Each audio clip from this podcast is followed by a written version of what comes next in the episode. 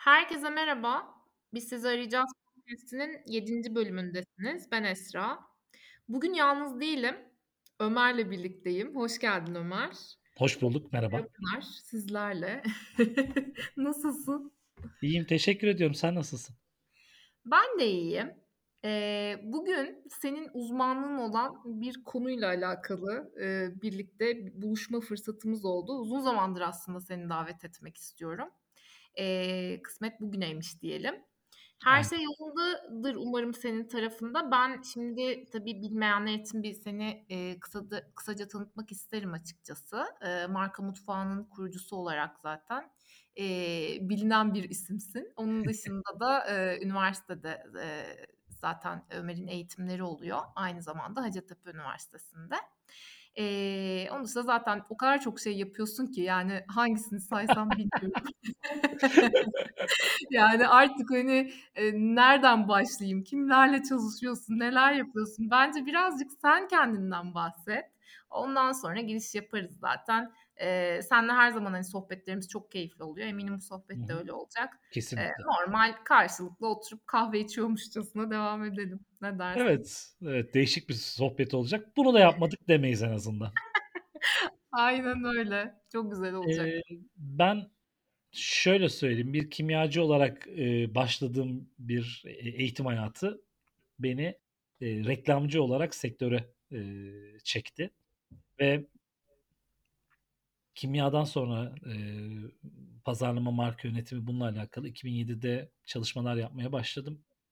E, o zamandan beri de aslında hem eğitim tarafında bu işin hem icraat tarafında hem danışmanlık falan bu taraflarında e, aktif olarak yer alıyorum. Türlü türlü girişimcilik hikayesinin ya e, içinde bir parçası oldum ya e, oranın Ömer hocası oldum ya işte oranın Ömer abisi olduk e, ya da bu girişim hikayelerine ya bu iş olmaz diyeni olduk ama farklı farklı girişimcilik özellikle alanında e, farklı farklı yerlerde farklı farklı noktalarda bugüne kadar çok sayıda yer aldım. E, tabii battığımız yerler oldu, yapamadığımız, beceremediğimiz işler oldu, becerdiğimiz, güzel noktalara getirdiğimiz işler oldu. E, ama işin e, dediğim gibi böyle her yerine bir şekilde e, burnumuzu soktuk öyle diyebilirim. E, ve e, bu noktada da şu anda bir yandan hem danışmanlık taraflarına devam ediyorum hem de senin de bahsettiğin gibi Marka Mutfağı isimli işte 7. yılını bitirmek üzere olan bir oluşum var. Gençlerle birlikte onlara tecrübe kazandırmaya çalıştığımız bir platform e, var. Genel olarak öyle diyebilirim yani çok evet. anlatacak çok şey var.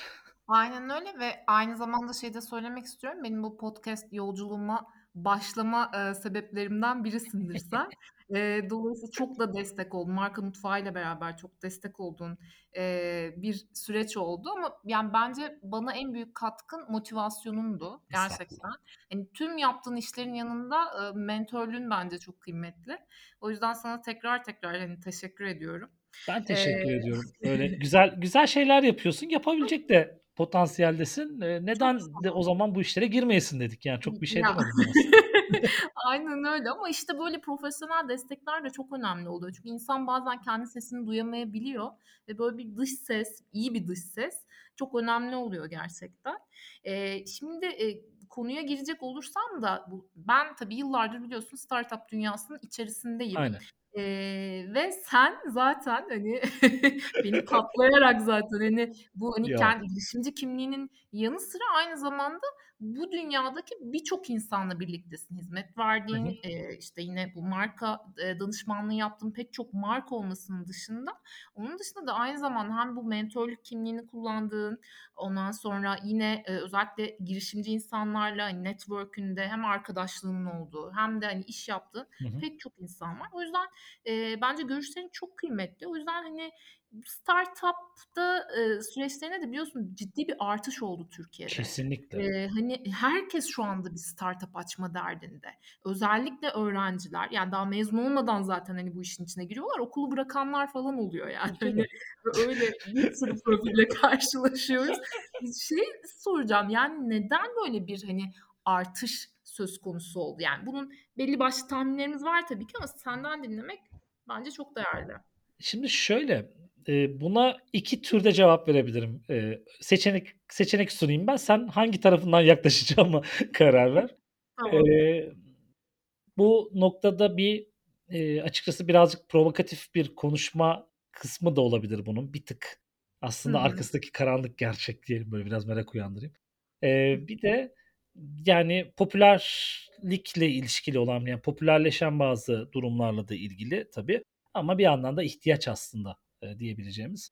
E, karanlık tarafından çok azıcık izin verirsen hani sana seçenek sundum dedim ama Tabii ki. bahsetsem hani Tabii ki, tabii ki. Şimdi şöyle dünyada çok uzun zamandır yani bu 15 yıldır belki daha da fazla eee, ve Türkiye'de de yine bu süreçlerde e, girişimcilik çok fazla eee, şişiriliyor diyebiliriz. Tırnak içerisinde şişiriliyor derken bir yerlerden sürekli desteklerin yığıldığı ve büyümeye başlamış olan bir yaklaşım olarak girişimci olun.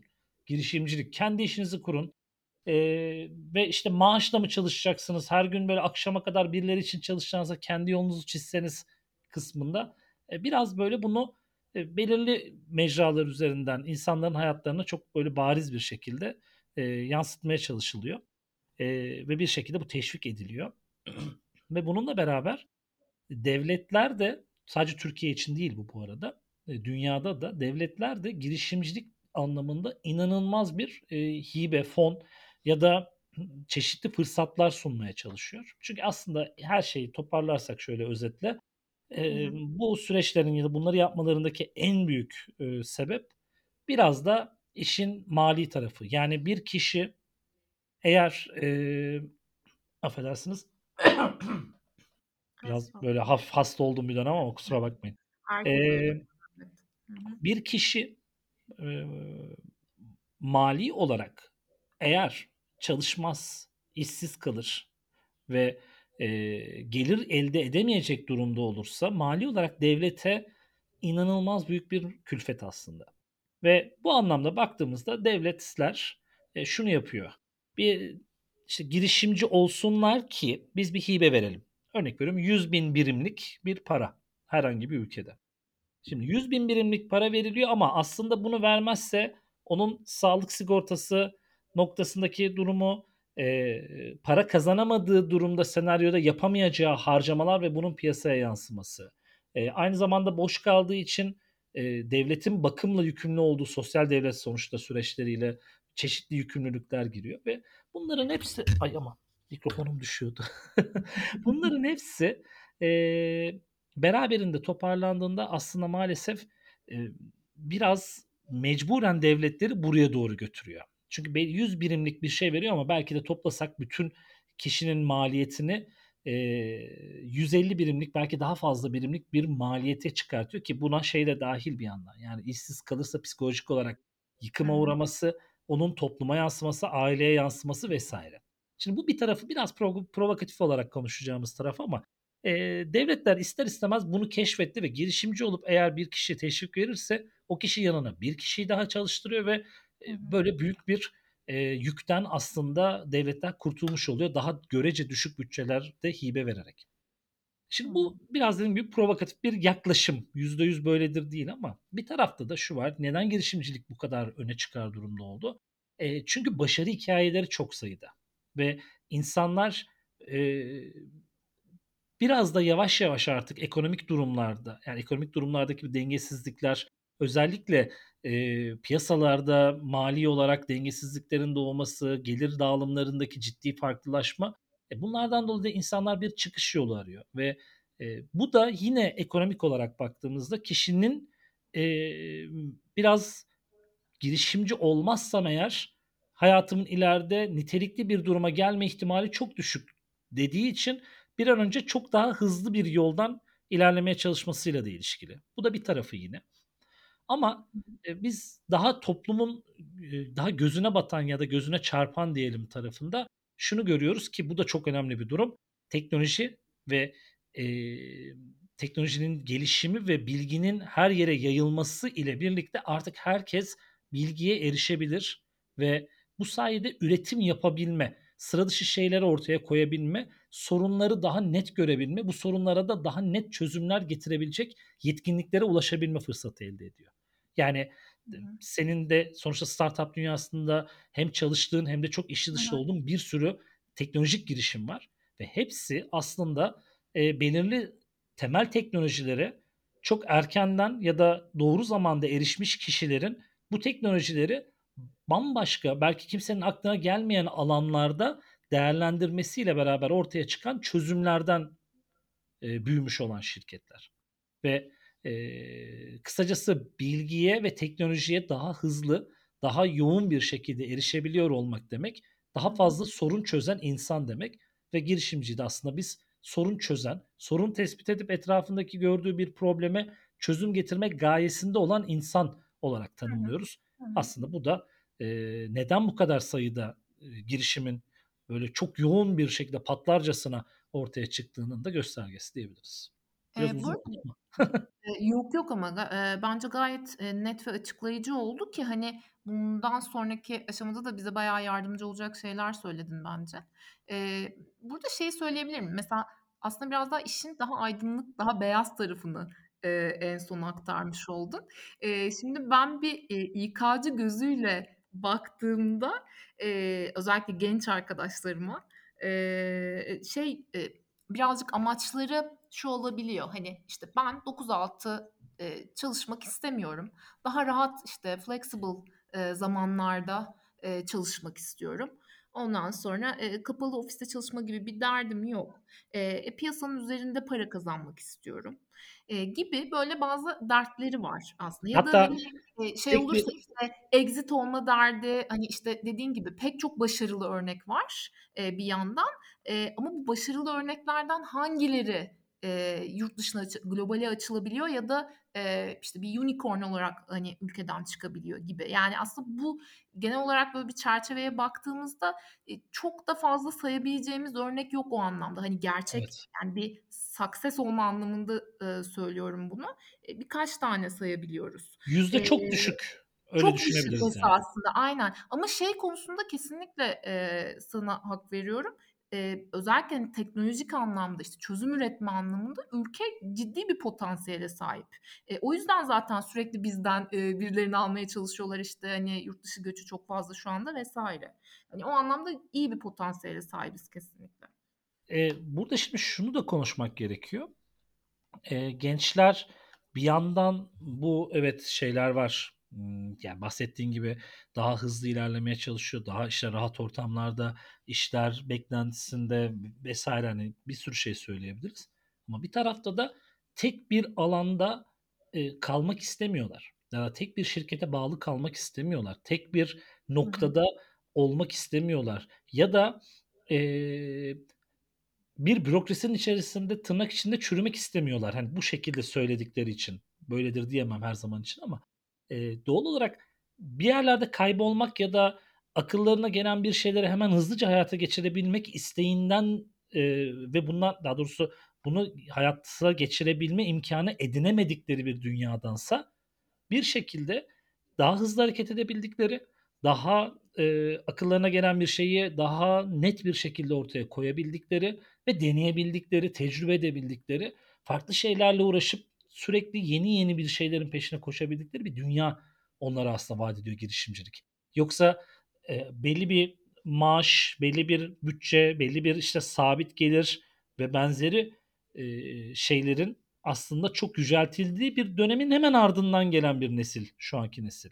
Yani, senin benim çocukluğumuz çok net bir şekilde, işte, maaşın garanti olsun, ay aman 2 gün sonra işten çıkarılma, ay, işte, memur ol, eee, hafta sonu tatilin olsun vs. garantilerle çizilmiş olan bir hayat vardı, eee, ve bizim doğal olarak girişimci olarak bir şekilde buradan sıyrılabilmiş olmamız bence büyük sürpriz yani, çok büyük bir başkaldırı. Mesela şu an bir gencin girişimci olması için, eee, teşvikler de dediğim gibi, yani, herkes alkışlıyor, hadi diyor, kuluçka merkezleri oluyor, mentorlar geliyor, birileri bir şekilde videolar yayınlıyor, anlatılar var. Sen yeter ki giriş, ben sana bütçe de sağlarım diyen yatırımcısı var falan. Yani, bir sürü bir zemin, bir sürü insandan ya da bir sürü imkândan oluşan bir zemin var ve bu zemin üzerine bir şey yapmaya çalışıyor. Ama şimdi Aynen. dönüyorum 2005'ler, 2006'lar benim, hani, okulu bırakıp bu alana giriştiğim falan zamanlar. Ben kendime bir yol çizeceğim dediğimde yanımda bir tane insan bulamıyordum. Ya da herkes şey diyordu, "Bir biraz burnun sürtsün de sonra zaten yine dönersin bu şeylere. Öyle büyük büyük konuşmakla olmuyor." falan. Yani malzeme yok, destek yok, teşvik yok. Bunların olduğu ve zihniyet olarak da bununla içerisinde yetişmemişsin. Böyle bir kültürün içinde de yetişmemişsin. Eee, bunların olduğu bir noktadan, eee, girişimci olarak bir şekilde çıkmış, kendine bir yol çizmiş olmak, eee, bu da zaten başka bir manyaklık yani tırnak içinde. Evet, çok, yani şey, akıllı insanın yapacağı iş Yo, değil aslında o değil, zamana değil. göre tabii yani. Aynen. Şu an işte gençler için seçenek çok ve ben şöyle söylüyorum mesela gençlerle alakalı, eee, herkes şey yapıyor, Z kuşağı işte ne istediğini tam bilmiyor, eee, ne istediğini bile bilmiyor da işte ona göre sürekli bir arı şey içerisinde böyle bir tırnak içinde ayran gönüllü derler bizim orada. Ayran gönüllü her şeye böyle böyle girip çıkmaya çalışıyor. Eee, motivasyonları düşük falan ama öyle değil aslında. Onlar şöyle bizim çok kısıtlı bilginin, çok kısıtlı, eee, erişimimizin olduğu bilgiye ya da kaynağa diyelim, eee, bir dönemin ardından gelen bir nesil ve ben çocukluğumda, eee, şöyle bir yol çiziyordum. Çocukluğumda ben, eee, bir şeyim vardı, eee, ansiklopedi, büfemiz vardı. Yani evde bir büfe, eee, vitrin dediğimiz şey vardı. Orada bir hı. sürü ansiklopedi vardı ve ansiklopediler içerisinde, eee, hepsini herhâlde 3 defa falan okumuştum. Yani en az belki 6 set farklı ansiklopedi vardı. Çünkü yok başka bir şey okuyabileceğimiz ya da bilgi alabileceğimiz. Evet. Şu Ama anda inanılmaz bilgi Evet, şu an inanılmaz bilgi ve doğal olarak ben şunu söylüyorum, orada bu yakaladığım bir tane bilgi kırıntısına dört elle sarılmam lazımdı ve onun peşinden koşturmam lazımdı tabii ki. Ama şu an gençlerin öyle bir ihtiyacı yok ki. Şu an gençler bir bakıyorlar, biraz deniyor, tadını beğenmediyse başka bir bilginin peşine koşuyor. Onun tadını beğenmezse başka bilginin. Çünkü çok fazla var. Ama biz bekliyoruz ki ansiklopedi gibi sonuna kadar böyle en böyle dibini sıyırana kadar o bilgiyi, eee, tüketmeye çalışsınlar. E, gerek yok ki.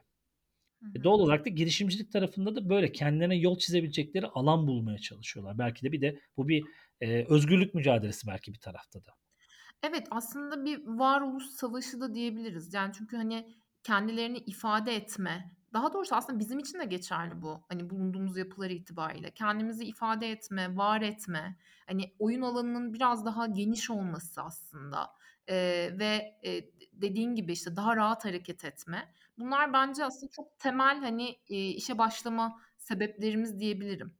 Yani, hani, benim özellikle, işte, kurumsal geçmişim olduğu için bir tarafta orada tabii ki, hani, eee, alanın çok daha sınırlı. Özellikle benim, hani, geçiş sebebim budur mesela startup dünyasına. Eee, çok kolay bir dünya değil tabii ki. Hatta, eee, bugün bir, eee, içerik şey yaptım, eee, eee, izledim, eee, şeyde YouTube'da. Orada şöyle bir, eee, cümle geçiyordu. "Pure mod modern day amele amelelik" diye bir şey. Yani, hani, bizim ülkemizde şey vardır ya, eee, işte, hani, yapamazsın, edemezsin şeyi az önce söylediğin Evet. konu böyle çok fazla söylenen, eee, bir şeydir. E, bunun biraz daha farklı bir versiyonu böyle. Bayağı bir hoşuma gitti bu. Eee, bir yandan öyle, evet, yani, hani, çok fazla aslında, hani, o 9-6 çalışmak istemiyorum ama, e, yani, sabah 9, eee, belki, işte, akşam 10, hani, ne bileyim, sabahlara kadar bir şekilde çalışıyorsun. Yoğun bir çalışma ortamı var tabii ki. Kur şey için söylüyorum ama bunu, ilk kurulma aşamaları vs. belki, hani, çok daha yoğun oluyor.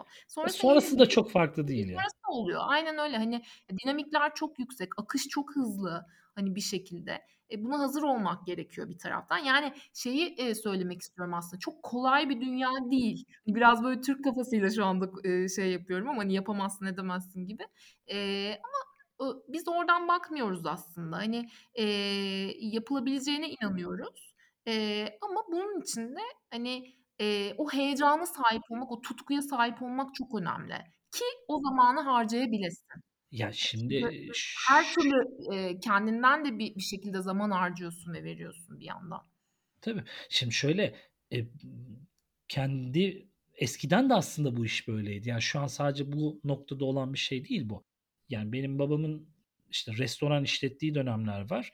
Eee, alkollü restorandı ve doğal olarak gece saat 3'e kadar bazen 4'e kadar açık olurdu. Hı hı. Eee, ve biz aynı evde Eee, haftada bir gün belki görüşürdük. O da yani pazar günleri babamın bir yere gitmesi gerekmezse. Çünkü sadece pazar kapatabiliyorlardı. O da şu an zaten kapatamıyorsun artık da hani o zamanlar kapatabilme biraz lüksü vardı. Mekan iyi, bilinirliği olan biraz güçlü bir durumda olduğu için. Eee, ve babamla aynı evdeyim yani. Hani görüşemiyorum dediğim zamanımız olmuyor da gidemiyorum aileme falan değil yani. Benim çocukluğumda böyleydi. Çünkü babam patrondu. Sonuçta e, bir çalışan orada günlük belli bir saat kadar çalışıyordu ve evine gidiyordu. Ama babam açılışını kendi yapmasa bile kapanışını komple kendi yapıyordu. Hiç haftanın hiçbir gününde dediğim gibi gitmeyeyim hadi ben de bugün yokum diyemezdi ya da e, biz tatile gidecek olurduk birkaç haftalık. Babam bir günlüğüne gelirdi, iki günlüğüne gelirdi de en fazla. Şimdi girişimci dediğin şeyin hayatı böyle yani. Hep başında duruyorsun. Ne olursa olsun böyle. Hadi ben bıraktım aman bastım gittim dediğin anda zaten artık girişimcilik değil o yöneticiliğe doğru kayıyor sizin işiniz. Yani e, sen artık orada e, girişimcilik tarafından çıkmış bir şirketin yöneticisi haline gelmiş oluyorsun. Ve o noktada da belli bir mesai gözetebilir hale geliyorsun. Ha şimdi bu kadar böyle atıp tutuyoruz ama ben kendi tarafımda söylemiştim. Ben bugün e, kendim bazı planlamaları yapabilir durumda olduğum için girişimcilik konusu benim için hala çok keyifli. Şunu diyebiliyorum ben. İşte müşterilerimi, planımı, işimi ona göre ayarlayıp, çalışan arkadaşları buna göre ayarlayıp ben hadi iki gün yokum ee, bana ses etmeyin diyebilirim. Bunu ama çok iyi planlarsam anca diyebilirim. Doğal olarak iyi bir planlama, iyi bir süreç gerekiyor ve çok büyük bir ivmeyle yükseldiğiniz, büyüdüğünüz ya da genişlediğinde işiniz e, o dönemde bunu deme gibi bir lüksün de yok. Bu biraz artık bir noktada ben buradan daha sonrasına çok gitmeyeceğim. Yumuşatmak istiyorum ivmemi. Daha biraz daha azaltmak istiyorum dediğin anda evet biraz dersin yani dinleneyim hadi ben bir iki gün. Ama şeydir yani ben hep derim patron her zaman çalışandan az kazanır. Her zaman çalışanın yani te, günün sonunda bir şekilde tabii ki kazanır ama e, verdiği emek üzerinden söylüyorum. Her zaman çok daha fazla çalışır ve tatil falan olmaz. Asıl patron çalışandır diye bir böyle geyik yaparız biz bazen. e bu e, bu tarafı var ama bunu tercih ediyor insanlar. Ben de bunu tercih ediyorum ve bundan dolayı da memnunum. Gençlerde bunu anlamda kendi işlerimizi yeter ki kuralım ve böyle bir yol çizelim ve büyütebileyim. Çalışmaya razıyım diyor. Yani kimse çalışmadan kaçmıyor zaten. Planlı olma konusunu aslında zamanla öğreniyoruz gibi. Yani, eee, şey, bu dünyada özellikle bu planlı olma konusunda bence, eee, sıkıntılar var. Organizasyonlarda da öyle aslında. Hani, dağınık bir planlama olunca iş, eee, şey oluyor, farklı yerlere gidiyor. Bence, eee, şu anda zaten, hani, startup dünyasında en büyük challenge'lardan biri organizasyonun, eee, düzgün bir şekilde, eee, kurulamaması noktası var. Onun dışında iş yapış şeklinin de, hani, daha dağınık olması gibi, eee, böyle o business tarafta da yaşanan pek çok problem oluyor. Eee, senin gözünden baktığımızda, eee, hani, ortak sorunlar neler? Mesela, hani, eee, özellikle, işte, girişimcilerden duyduğun yine bu dünyada, işte, belki, hani, eee, çalıştığın şirketlerde gözlemlediğin, eee, belki, hani, müşteri tarafından belki şu anda çok örnek veremeyebilirsin ama, hani, Ya, ya, genel veririm. olarak bunca yıldır bu sektörün içinde, eee, gördüğün şeyler neler? Challenge anlamında bir startup, eee, işe başladı diyelim. Eee, sonrasında onu neler bekliyor? Eee, hangi sorunlar olabilir? Eee, en temelde ben, Hı en temel, eee, süreçte problemi bir kelimeyle anlatalım desek ben vedalaşamamak diye söylüyorum. Vedalaşamamayı bir sürü şeyle ilişkilendirebiliriz. Birincisi ve en sık karşılaşılanı görevleriyle vedalaşamıyor. Sorumluluklarıyla vedalaşamıyor kişiler. Yani örnek veriyorum işte sen insan kaynakları alanında bir profesyonelsin. Bugüne kadar şirket gelmiş hep işe alımları vesaire patron kendi yapmış. Girişimci kendisi uğraşmış. Yani patron diyoruz ama girişimcinin kastım. Girişimci kendi yapmış. Bugüne kadar hep kendi kurcalamış. Bir şeylerin peşine kendi koşturmuş falan. Ve artık biraz daha ekip büyümüş. Ekibin motivasyonunu bugüne kadar hep o sağlamaya çalışmış ya da girişimcilerden biri. Ve sonrasında artık biz bu işi bir profesyonelleştirelim deniliyor. Ancak bir insan kaynakları örnek veriyorum uzmanı ekibe dahil ediliyor. Ama insan kaynakları uzmanı A yapalım diyor. olmaz. Niye? E çünkü biz böyle yapmayız. Abi siz öyle yapmazsınız. Sen girişimcisisin bu işin. Ben profesyoneliyim. Ben böyle yapılması gerektiğini düşünüyorum ve o yüzden ben buradayım. Ama Hı hı. patronlar ya da girişimciler diyelim e, hala 20 kişi, 10 kişi, 5 kişilik dünyalarında ne yapıyorlarsa onun aynısını 100 kişilik ekipte yapmaya çalışıyor. Olmaz ki. Yapamazsın. Bu Hı mümkün de değil. Aynı motivasyonu, aynı durumu, aynı niteliği, aynı e, insan e, adanmışlığını sağlamam bu kadar kolay değil. 100 kişi de hele hele kolay değil. Mümkün de değil aslında. Ama bu noktada bir görevinden vedalaşacak, bunu bir profesyonele emanet edecek ve diyecek ki bu işi sen biliyorsun, ben senin işine karışmayacağım. Beni bilgilendir, stratejini çiz, beraber mutabık kalalım, sonrasında uygula, ben yokum. Ama hala orada eleman alımlarında araya giriyor, insan kaynağında araya giriyor. Bunun pazarlama versiyonunda e, hala CMO olarak mesela şirketin e, kurucularından biri var orada. Tamam okey ama altyapınız ne diye soruyorsun CMO işte pazarlama alanında e, şirketin üst düzey yöneticisi. Elektrik elektronik diyor. Bilgisayar mühendisliği diyor. Hı hı. Ya da hani bir şey e, ama sen burayı peki ne kadar biliyorsun? E işte ben de 5 yıldır falan şirketin kuruluşundan beri bu konularla ben ilgileniyorum. Tamam da senin ben 15 yıldır 17 yıldır bu işi yapıyorum örnek veriyorum. Ben buraya adamışım kendimi bu alana. E sen vakit kaldıkça ilgilenmişsin. E bırak da ben artık bu işi devralayım hani. E yok sen bana bilgi verirsin, hesap verirsin. Ben de seni bu anlamda yönlendiririm diyor. Bu vedalaşamamanın getirdiği kurumsallaşamama. Kurumsallaşamadığı için de örgüt yapısının, girişimin e, belli bir vizyonun ötesine geçememesi bir problem doğuruyor. Ve e, yani en büyük problemler böyle oluyor. Hı hı. E, büyüdüklerinin farkına varamıyorlar ya da bunu kabullenemiyorlar diyelim. Hı hı. E, hatta şu an tam önümde bir kitap var, denk geldi. E, Albaraka yayınlarının bir kitabı e, Uçurumdan Geçmek diye. E, burada belirli noktalarda güzel şeyler değiniyor. Okuyabilir dinleyici e, mutlaka Hı hı. hatta okusun da. E, bir yerde şeyden bahsediyor. Girişimler belli bir noktaya kadar güzel gelirler ama belli bir noktada uçuruma ulaşırlar. O uçurumdan karşıya geçebilmeleri için onu o gün oraya getiren bütün ekiple artık yollarını ayırıp yeni bir ekiple devam etmeleri gerekir gibi böyle Hı hı. çok değişik bir yaklaşım sunuyor. Ee, dediğim gibi kabaca aslında vedalaşamadıkları için girişimler e, el yordamıyla gidiyor ve bir noktadan sonra büyüyemeyen de küçülüyor zaten. Ve Hı hı. e, yakalayamıyor yeniye. Böyle bir problem oluyor diyebilirim. Bencesi yani en azından. Evet. Eee, çok fazla görülen bir örnek gerçekten ve sonra zaten ister istemez bir düşüşe geçiliyor. Eee, yukarıdan aşağı başlayan bir, eee, hani, bir küçülme, küçülmeyle beraber, eee, aslında, hani, sadece business'a odaklanmak bence burada da, eee, sıkıntı diye düşünüyorum. Yani, aslında şey gibi, hani, eee, özellikle, işte, iş alımları, hani, yapalım, işe alım yapalım, evet ama bunun dışında, eee, işte, bir de business'ı bir taraftan şey yapalım, eee, yürütelim, en iyi şekilde, eee, idare edelim. Okay, o zaman, yani, hani, eee, geriye yapacak pek de bir şey kalmıyor falan gibi bir bakış açısı da oluyor. Eee, ama, işte, hani, o dünya sadece bundan ibaret değil. Özellikle, hani, HR tarafında HR sadece hiring'den ibaret değil. Eee, onu anlamak birazcık maalesef, eee, ülkede genel olarak, hani, bir gecikmiş durumda.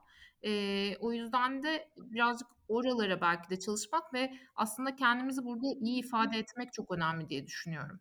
Yani, eee, benim özellikle bu podcast'i yapma sebeplerimden biri de Yanına bastım. Eee, aynen öyle. Tam ben hemen hemen her podcast'te bundan bahsediyor olabilirim Ömer bu arada. Yani, eee, çünkü, hani, eee, şey nedir aslında, hani, sadece HR için geçerli değil. Az önce dedin ya, hani, eee, profesyonellere bırakmak diye.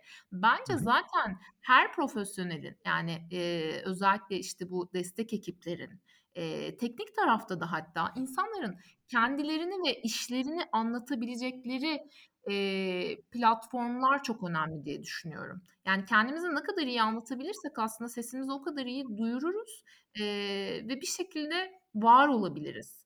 Eee, diye düşünüyorum. Hani bu çünkü bir ön yargı var yani kesinlikle bir ön yargı var. Özellikle Türkiye'de, eee, beyaz yakanın geneline zaten, eee, bir anlamama yani, eee, özellikle işte bizim gibi, İK gibi, işte finans gibi, böyle hani ne bileyim yani çok önemlidir hani idari işler vesaire dersin ama hani bir iştir o. Anlatabiliyor muyum? Hani bir Önemli bir operasyon iştir hem de. Aynen öyle, önemli bir iştir. İnsanların hayatına dokunan işlerdir. Eee, ama mesela HR idari işler gibi algılanır falan gibi. Hani e, o kadar çok yanlış algı var ki. Dolayısıyla buraları belki de daha fazla anlatmak, duyurmak gerekir. E, Biraz eee, o biraz biz mikrofonu bölüşemedik. Hiç Aynen. Hiç önemli değil ya. Böyle ikimiz de konuşmayı seviyoruz ya. Evet, evet. Yani şey tarafında hani teknoloji teknolojidir ama hani sadece teknolojiye yönelmek, eee, noktasında sıkıntılarımız var. Teknolojiyle her şeyi halledebiliriz, eee, gibi E evet, ya bir da şey var. var, internetten öğrendiğimiz her şeyle hani o bilgi bizim için yeterlidir ve, eee, bir uzmanlığa ihtiyacımız yoktur bakış açısı bence bizi kitliyor. Ben Eee, öyle şimdi düşünüyorum. biraz duygusal yaklaşıyoruz. Eee, ülkemizde biraz daha, eee, girişimlerde, eee, konuya duygusal bakılıyor. Bu ortaklık yapısında da böyle. Bu büyüme stratejisinde de böyle, eee, ve ilerleyen zaman dilimlerinde de. İşte profesyonelleşemiyoruz o yüzden. Eee, yani yurt dışı güzellemesi vs.si kafasında değilim ben. Ben, eee, buradaki yapılan işleri çok seven, beğenen ve gerçekten bunu, eee, değerli gören birisiyim. Bunu bir kenara koyuyorum. Baktığımızda yurt dışında, ııı, girişimlerin en doğru yaptığı belki de nokta iyi analizler var, iyi çalışmalar var falan bunların hepsi evet ama, eee, duygusal yaklaşmıyorlar konuya. Bu benim çocuğum, ay bu benim bebeğim, bu iş benim işte ömrüm falan. Hani bu değil orada. Bu bir iş. İş yani. Doğal olarak bir kişiyle ekipten ayrılması gereken bir kişiyle ayrılabiliyorlar da kötü yaptığı işe de kötü diyebiliyorlar ya da tam tersi. Ve ortaklık yapılarını doğru ayarlayabiliyorlar. Yani çalışmayan bir, eee, birim var. Çalışmayan dedim, işlemeyen bir birim var ve o birimden ortaklardan biri sorumlu.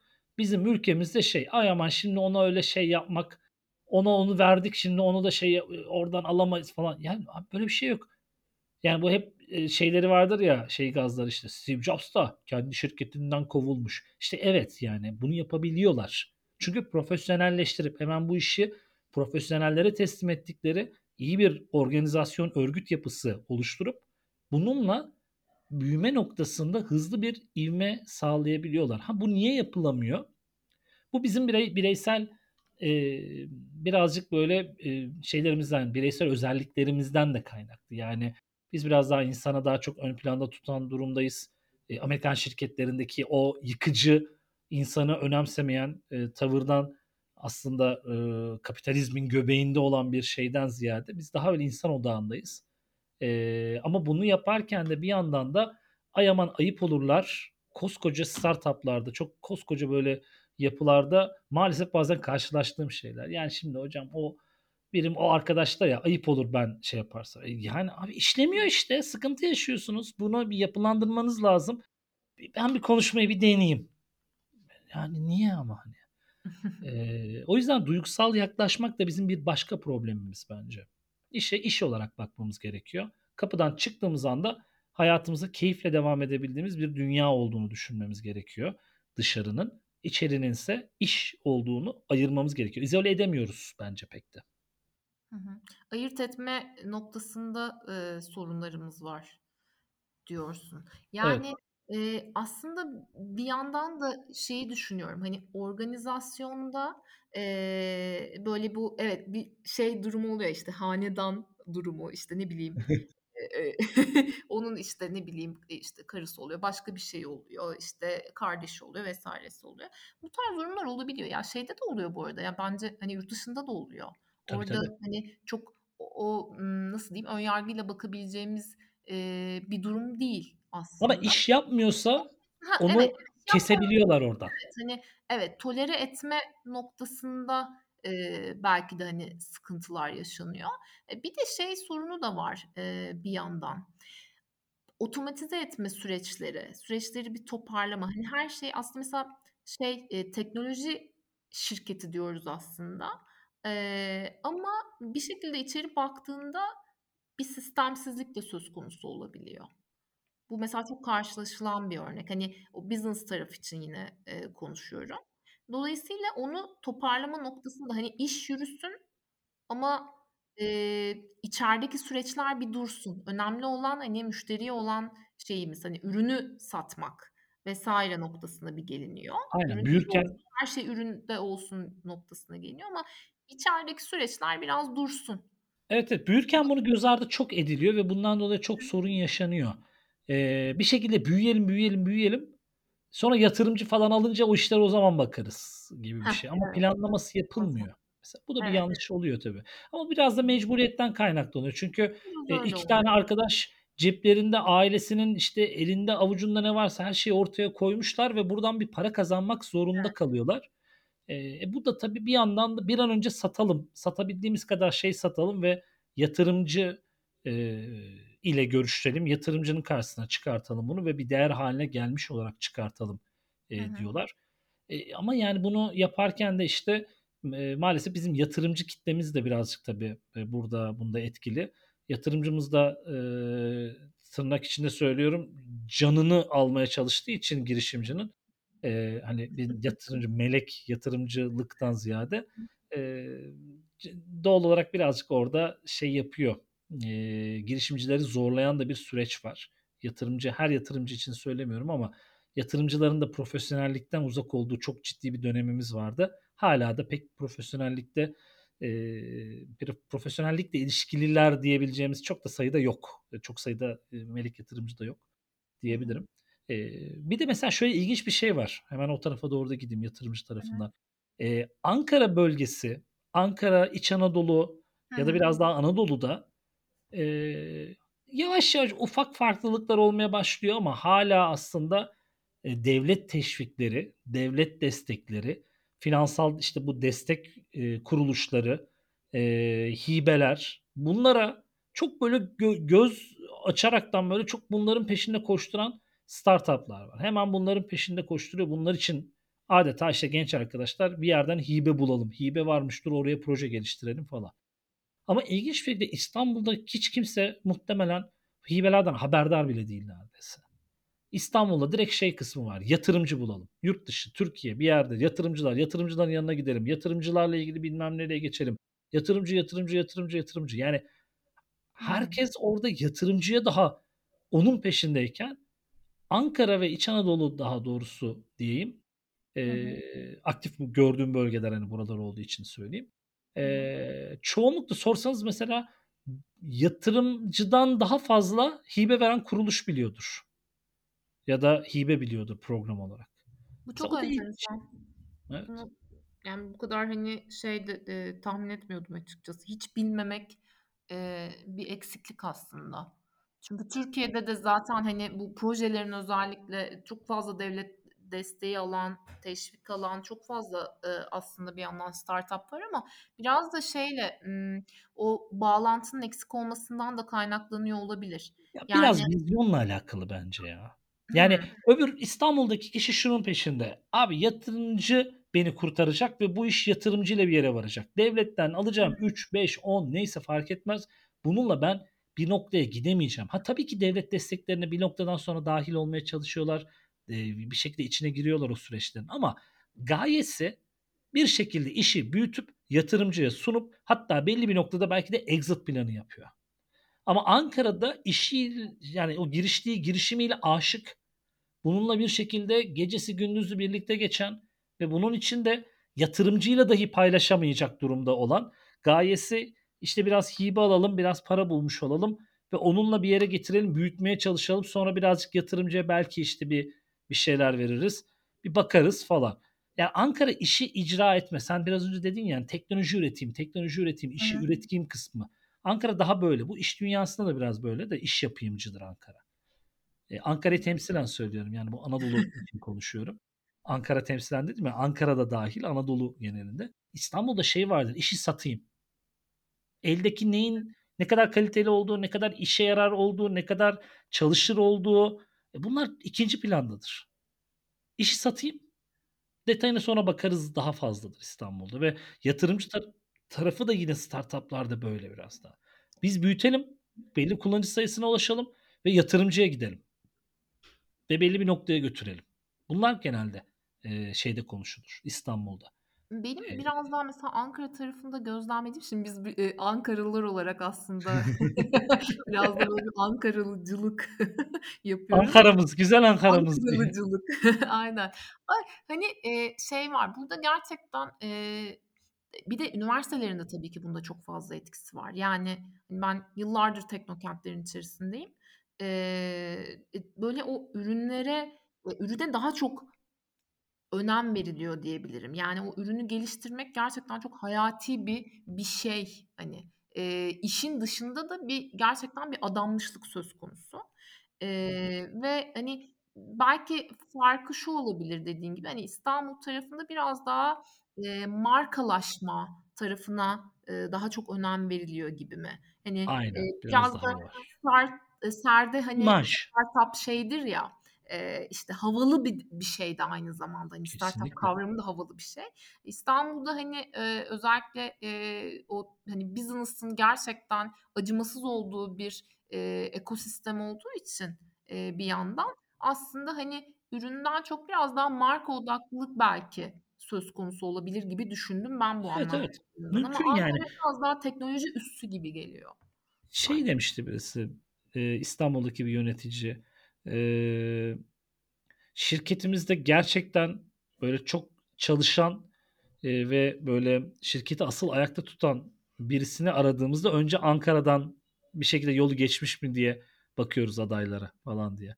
Ankara'dan geliyorsa kesin Evet. iş yapıyordur. İstanbul'dakiler çünkü işi satar. Ankara'daki işi yapar demişti. Eee, böyle bir şey var tabii biz Ankaralılar olarak yani Ankara güzellemesi tabii ki yapacağız ama işi yapmak mı güzel, satmak mı güzel tabii bilemiyorum ama eee, bununla ilişkili bir konu. Biraz zihniyetle de kültürle de alakalı yavaş yavaş değişiyor ama eee, dediğim gibi öğrenciler bir girişimde bulunayım da bunu nasıl hibe alırım ma bakarken İstanbul'dakiler nasıl yatırım alırımı konuşuyordu. Son dönemde biraz daha bunlar aradaki çizginin biraz daha eee, flu hale geldiği, keskinliğinin azaldığını bahsedebilirim ama Eee, dediğim gibi böyle ilginç bir bakış açısı da var bir Hı eee, hı. Hı girişimcilik hı. tarafına. Hı hı. Hı hı. Eee, Ankara ve İstanbul arasında ya da İç Anadolu İstanbul arası, Anadolu. İstanbul falan diye böyle gidiyor. Peki, eee, biraz böyle toparlayacak olursam, şimdi çok fazla özellikle, hani, girişimci olmak isteyen, olan çok fazla arkadaşımız var sektörde. Hı hı. Eee, ve, birçok yerden aslında, hani, mentörlük alıyorlar. Eee, Teknokentler bunun için çok fazla destek veriyor biliyorsun. Tabii. İşte, bir sürü konferanslar oluyor. Yatırımcılar bir yandan destek olmaya çalışıyorlar belli noktalarda. Eee, bu arkadaşlarımız da hem aslında kendi teknolojilerini geliştirmek, eee, hem de aslında, eee, bilinirlik ve, hani, görünür olmayı olmayı hedefliyorlar bir noktada. Eee, hayalleri var konuşmanın en başında da dediğin gibi. Eee, birçok örnek şirket var aslında, eee, ve, eee, aslında şey var, eee, dünyaya ben nasıl açılabilirim isteği var. Yani ben bu dünyaya ne bırakabilirim, nasıl katkı sağlayabilirim dertleri var genç nes neslin özellikle. Senin bu noktada, eee, girişimci arkadaşlarımıza, eee, tavsiyelerin neler olur? Yani yeni başlayanlar olabilir ya da, hani, henüz, eee, iş geliştirme sürecinde olanlar olabilir. Eee, sen bir, hani, eee, hem girişimci olarak hem de bir profesyonel olarak, eee, onlara neler önerirsin? Daha bugün hatta gündüz bir buna benzer bir sohbette bulunduk ve orada da aynı tavsiyeyi verdim. Eee Şimdi ben kendimden yola çıkarsam ben 2007 yılında sosyal medya ile ilgili eee, bir iş, bir markayla bir çalışma yapmış oldum ve orada anladım ki bu bir sektöre dönüşüyor. Bir para getirisi var, bir mali getiri söz konusu eee, ve artık ben buradan bir kariyer planlaması yapabilirim. Ama bu kendiliğinden oluştu ve ben eee, şu an 2007'den bu yana, bu yana 15 yıldır bu işi yapıyorum ve 15 yıl içerisinde bazen maalesef bazen iyi ki e, bir kurumsal bir şirketin içerisinde bir ya da yaptığım işin zirvesinde olan bir şirketin içerisinde e, çalışma gibi bir durumum olmadı. Yani ben hep kendi işimi yaptım. Kendimi bildim bileli. Şimdi bu çoğunlukla iyi ki ama arada bir maalesef çünkü ben çalışanlarımla bir kültür oluşturmak istediğimde ya da marka mutfağında 40-50 kişiyle beraber bir kültür oluşturmak istediğimde bunu kendi yöntemlerimle kendi kendime yanlışları göre yani yanlışları bir şekilde yapa yapa e, bulmaya çalıştım. Bir yerlerden okuyup, tarayıp, inceleyip bir yerden kendimce yorumlayarak bir çıktı elde etmeye çalıştım. Ve düştüğüm noktalarda da kalkmaya da yine kendim çalışıyorum. Ben şirketi kurdum. iki buçuk yıl sonra KDV iadesi diye bir şeyin olduğunu öğrendim. yani iki buçuk yıl ben niye insanlar bu kadar fişleri toplayıp duruyorlar ki falan dedim yani. Ne gerek var ne uğraşıyorlar aman falan diyordum. Sondan anladım ben KDV iadesi gelir vergisinden ma- masraf gösterdiğinde doğal olarak gelir vergisinden düştüğüm bir durumun olduğu ve doğal olarak şirketin masraflarının e, yaptığım işlerin e, dışarıdaki harcamalarımın daha doğrusu masraflarının e, şirketin gelirleriyle ilişkili olarak e, gidere yazılabileceğini e, belirli şartlar altında. iki buçuk yıl sonra öğrendim. Yani yaklaşık olarak e, yani 30 ay 30 ay boyunca her ay KDV çıktı bana. Ve ben onu ödedim. Ya da işte geciktirdim bir şey oldu bilmem ne. Bunları kendi kendime tırmalayarak öğrendim. Özetle şunu yapmalarını en büyük tavsiye olarak söylüyorum. Bir alanda girişimde mi bulunacaksınız? Bir yolda gitmeye mi çalışıyorsunuz? E, çok alt bir görev dahi olsa o alanda bir işe girsinler. Birkaç ay dahi, dahi olsa bir 6 ay, bir yıl belli bir zaman dilimi çok da uzatmadan o alanı olabilecek en iyi yerde, en bu işi en e, kurumsal ya da en geniş haliyle icra eden bir yerde işin içini, iç yüzünü öğrensinler. Buna şöyle bir örnek verebilirim. Bir arkadaşım Ankara'daki çok büyük eğlence mekanlarından birinin e, işletmecisi İstanbul'da var olan merkezde e, ya, Türkiye'de de birkaç tane farklı şubesinin bulunduğu bir yerin e, işletmecisi Ankara'dakinin işletmecisi işte franchise olarak açacak buraya. E, anlaşmayı yaptılar. Daha sonra gitti 4-5 ay e, İstanbul'daki ilgili markanın, ilgili e, mekanın e, komisi olarak çalıştı. Ya burada bilmem kaç milyon harcayarak o mekanı açtı. Yani adam bir şey oldu çat bir yani 3-5 milyon ortaya koyabiliyor. Ama gitti orada komi olarak asgari ücret bile değil belki aldığı para e, yanındaki arkadaşların beraber çalıştıklarının. Onlarla beraber çalıştı. Tuvalet temizledi, etrafı toparladı, bardak taşıdı, bir şey yaptı. E çünkü diyor ki ben her şeyin detayını öğrenmezsem bu işletmeyi bütün olarak, bu girişim olarak düşünelim yine burada da. Bunu bütün olarak yönetemem. Her yerine hakim olamam ve insanlara doğru ilham e, sunamam. Yani doğru bir şekilde ilham olamam ve bu işi büyütemem demişti. Hala da ayakta ve gayet iyi bir şekilde de devam ettiriyor işini. E, girişimci arkadaşların da bence yapmaları gereken şey illa gidip çalışsınlar değil mevzu belki ama e, girişimde bulunmak istedikleri alanı tecrübe etsinler tecrübe etmedikleri bir alanda çözüm üretemezler. Böyle Hı-hı. diyebilirim yani. Hı hı hı. Her iş için aslında geçerli. Yani bir, bir işin işe de başladığımızda aslında en aşağıdan başlıyoruz ya. Aynen. Ne bileyim. Yani iş hayatında da öyle. Yani stajyerlikten başlayıp işte yükselen bir süreç oluyor. Ama bir iş kurmak hakikaten çok yönlü bir şey. Ve her departmanında, her yerinde oluyorsun bir şekilde. Çok kıymetli gerçekten e, bu şeylerin, önerilerin. Çünkü hani e, genel olarak gözlemlediğimizde şey oluyor ya işte birden co-founder olmak falan. CTO, CEO. CEO olmak, hemen CEO olmak falan gibi dertleri oluyor arkadaşlarımızın. E, o yüzden hani e, bence çok kıymetli öneriler ve e, daha tecrübeli tabii ki hani sektörde yer edinmiş insanların bu önerilerini e, dinlemek gerekli diye düşünüyorum ben. E, ama genç nesle bence zaten mantıklı bir şekilde yaklaşınca e, ve kendi e, değerli hikayelerimizden de bahsettiğimizde e, ve onları etkilediğimizde bence bir şekilde karşılıklı anlaşabiliyoruz gibi e, geliyor bana. E, o yüzden de. de daha çok konuşmalıyız. daha çok program yapalım. Daha çok program. Bu zaten ilki biliyorsun. Senle Evet, devamı tabii, gelecek yani. Seni yakaladıkça, vaktin oldukça çünkü hani seni yakalamak gerçekten zor. Eee, ve şu an hani gerçekten çok şanslıyım diye düşünüyorum. O yüzden çok teşekkür ederim bana zaman ayırdığın için. Eee, bence çok eee, kıymetli bir zamandı bu. Çok güzel bir sohbet oldu diye düşünüyorum. Umarım herkese de bir şekilde dokunmuştur. Özellikle de hani girişimci arkadaşlarımıza ya da bu dünyada çalışan startup eee, ekosisteminde hayat bulan eee, insanlara eee, bir ses olmuşuzdur diye düşünüyorum. Eee, Instagram'da bu arada hani yine eee, önerileriniz ya da eee, bu eee, kayıtla alakalı eee, sorularınız olursa eee, her zaman bana ulaşabilirsiniz. Ben de Ömer'e iletirim bu arada. Ömer'e sorular gelirse yine. Yanlış söylediğimiz bir şey de olabilir. Belki mesela ya bence burada yanılıyorsunuz. Edebilirler. Aynen öyle yani. Hani neden olmasın? Her her şeye açığız. Hani eleştiriye de açığız. iyi eleştiriye de açığız. Eee, olumsuz eleştiriye de açığız. Hiç sorun değil bizim için. Eee, çok teşekkür ederim tekrar tekrar. Ben teşekkür ediyorum vallahi. Tamam. Güzel oldu. Aynen bence de güzel oldu. bir sonraki podcast'te görüşmek üzere o zaman. Kendinize çok iyi bakın.